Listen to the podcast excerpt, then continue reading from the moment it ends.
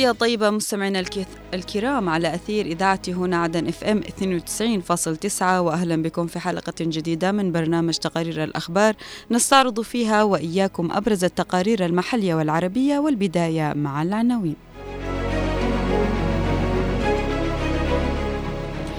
مباحثات مكثفة للرئيس الزبيدي لضمان استعداد البحرية الجنوبية.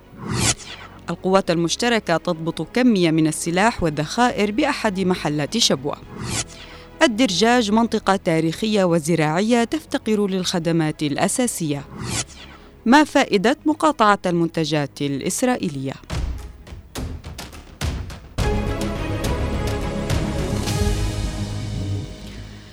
يبحث الرئيس القائد عيدروس الزبيدي رئيس المجلس الانتقالي الجنوبي محليا ودوليا وبجهود متواصلة سبل دعم وتطوير القوات البحرية الجنوبية بما يعزز من رفع جاهزيتها القتالية في سبيل تأمين ممرات الملاحة, الملاحة المائية العالمية.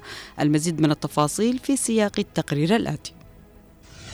انطلاقا من دورها البارز والموثق برا وبحرا في مكافحة الإرهاب والتهريب ومحاربة الحوثيين والجماعات الأخرى المدعومين من إيران. يؤكد الرئيس عيدروس الزبيدي على ضرورة استعداد القوات الجنوبية البحرية لتأمين حركة الملاحة الدولية وطرق التجارة العالمية وتعزيز الأمن البحري في المنطقة الاستراتيجية الهامة. وضمن الجهود المبذولة لإعادة بناء وتطوير القدرات القتالية للقوات البحرية اجتمع الرئيس الزبيدي بقائد القوات البحرية الفريق ركن عبد الله النخعي في أول اجتماع له عقب ساعات من عودته إلى العاصمة عدن. أكد الرئيس خلاله على بذل أقصى الجهود لرفع جاهزية القوات استعدادا لمشاركة البحرية الجنوبية في التحالف الدولي لحماية خطوط الملاحة في باب المندب والبحر الأحمر وخليج عدن. الدعم الدولي للقوات البحرية الجنوبية أمر لطالما طال انتظاره لا سيما وأن الجنوب شريك موثوق في مكافحة الإرهاب. وفي موازاة ذلك يرى مراقبون أن الاعتماد الدولي على القوات الجنوبية وحظيها بدعم القوى المعنية سيكون صائبا كما يعد قرارا ذات أولوية قصوى باعتبار الجنوبيين أصحاب مصلحة حقيقية من تأمين مضيق باب المندب وممرات الشحن بخليج عدن والبحر الأحمر. يرجع ذلك لكون دولة الجنوب تقع بنسبة 100% في نطاق واحد من أكثر الممرات البحرية أهمية استراتيجية في العالم.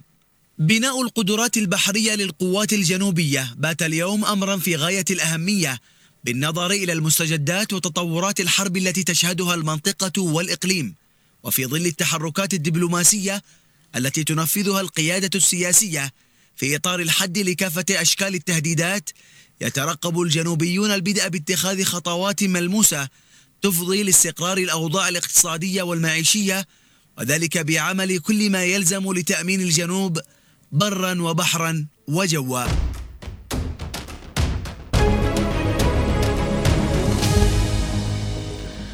قال مصدر مسؤول في القوات المشتركة بمحافظة شبوة بأن تحريات القوات تمكنت من تحديد مكان أحد محلات تجار السلاح بمدينة عتق والقبض عليه وبحوزته كمية من السلاح والذخائر الحية. نستمع لبقية التفاصيل في التقرير التالي. ضربة أمنية قوية وجهت للقوى المعادية الساعية لإغراق الجنوب في حالة من الفوضى تحاكي الحالة التي تشهدها المناطق الخاضعة لسيطرة الميليشيا الحوثية الإرهابية. الحديث عما شهدته محافظة شبوة وتحديدا مدينة عتق من ضبط كمية كبيرة من الأسلحة والذخائر في أحد المحلات بسوق السلاح في عتق. وبحسب مصدر مسؤول في القوات المشتركة فإن هذه الضربة جاءت نتاجا للتحريات التي تجريها على صعيد واسع لضبط السلاح والمطلوبين أمنيا وذلك لمنع المظاهر المسلحة في المحافظة. تحريات القوات المشتركة قادت إلى تحديد مكان أحد محلات تجار السلاح حيث تم رصده والقبض عليه وبحوزته عدد من الأسلحة وكمية من الذخائر في مدينة عتق. وفيما أقر المتهم بأن حيازته للمضبوطات كانت بقصد الإتجار فقد جرى التحفظ على المضبوطات ونقل المتهم للجهات المختصة لاستكمال الإجراءات القانونية وتقديمه للجهات المختصة. هذه الضربة الأمنية القوية تضاف إلى سلسلة من الجهود الأمنية المبذولة في محافظات الجنوب لا سيما تلك التي تدرجها فصائل الإرهاب على قائمة الاستهداف.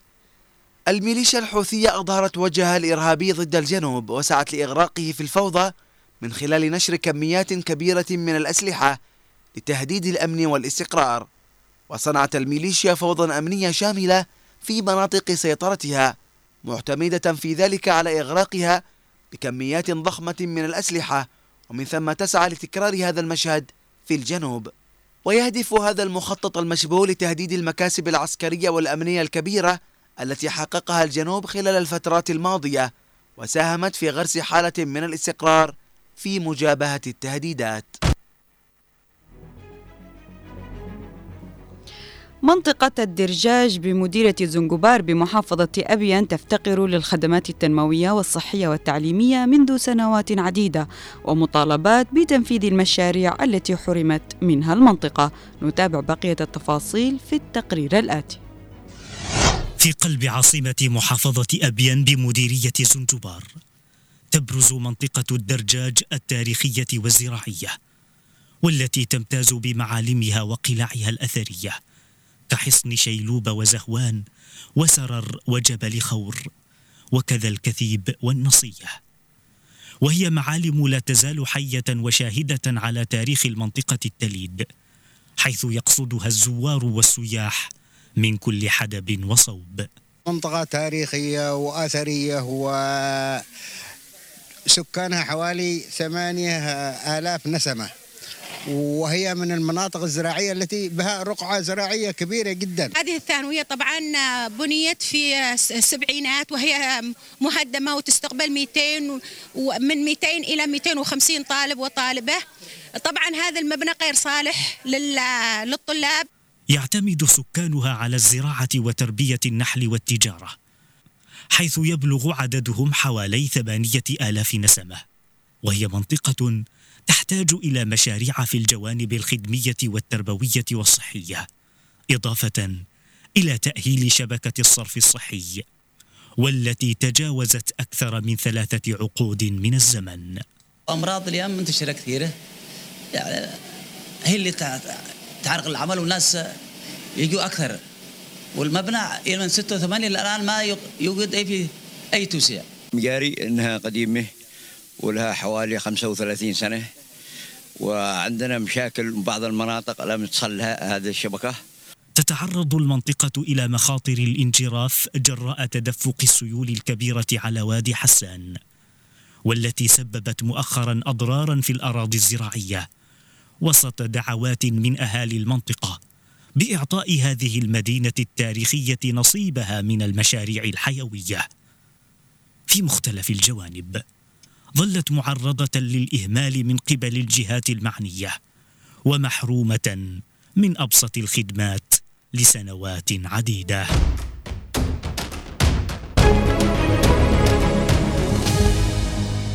انتفضت شعوب العالم ضد المجازر التي ترتكب في قطاع غزة من خلال تنظيم الاحتجاجات المناهضة لإسرائيل وإطلاق دعوات متتالية لمقاطعة المنتجات الإسرائيلية. لكن هل, هل هذه المقاطعة ستكون مفيدة؟ تفاصيل أوفى في سياق هذا التقرير. في تقرير نشرته مجلة كريتر التركية قالت فيه إن احتجاجات متتالية ضد إرهاب الاحتلال الإسرائيلي تنظم في جميع أنحاء العالم. وينظر الناس إلى مقاطعة المنتجات الإسرائيلية باعتبارها من أقوى الأسلحة أمام ما يقوم به الاحتلال من فظائع إذ أن هذه الجهود بدأت بنتائجها على الصعيدين الاقتصادي والدبلوماسي والنفسي. ومن المتوقع أن تتعرض إسرائيل لأضرار اقتصادية كبيرة بسبب هذه المقاطعة حيث أشارت مجموعة من 300 اقتصادي إسرائيلي إلى خطورة الوضع قائلة أنتم لا تفهمون حجم الأزمة الاقتصادية التي يواجهها الاقتصاد الإسرائيلي. ويتوقع هؤلاء الاقتصاديون أن تتجاوز هذه المقاطعة مجرد امتناع الناس عن شراء بعض السلع. وأشار الكاتب إلى أن المرحلة الثانية والأهم من حملة المقاطعة هي إنتاج بدائل لمنتجات الشركات الإسرائيلية والقضاء على التبعية الإسرائيلية في جميع القطاعات بما في ذلك الاقتصاد والمالية. وكلما زاد عدد المنتجات الوطنية المماثلة ومجالات استخدامها زاد الضرر الذي سيلحق بالهيمنة العالمية لرأس المال اليهودي. وهذا هو الكابوس الذي يطارد الاقتصاديين الإسرائيليين. من المرجح أن تتسبب المقاطعة الحالية التي تعد أكثر انتشارا من حملات المقاطعة السابقة في أضرار اقتصادية أكبر بكثير لإسرائيل. فعندما لا يتم إدخال الدولارات إلى الميزانية الإسرائيلية لن تتمكن من شراء الأسلحة والذخيرة.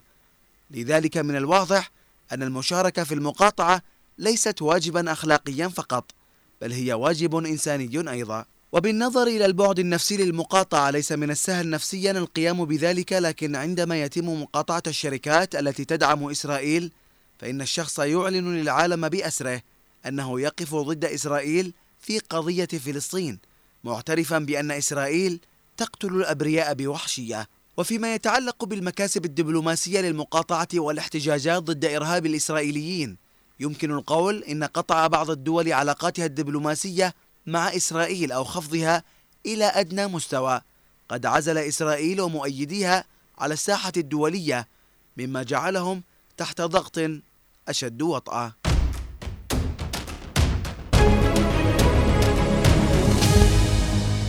مستمعينا الكرام إلى هنا نصل إلى ختام هذه الحلقة من برنامج تقرير الأخبار. كنت معكم من الإعداد والتقديم أنا عفراء البيشي ومن الإخراج خالد الشعيبي. أطيب التحية إلى اللقاء. Thank you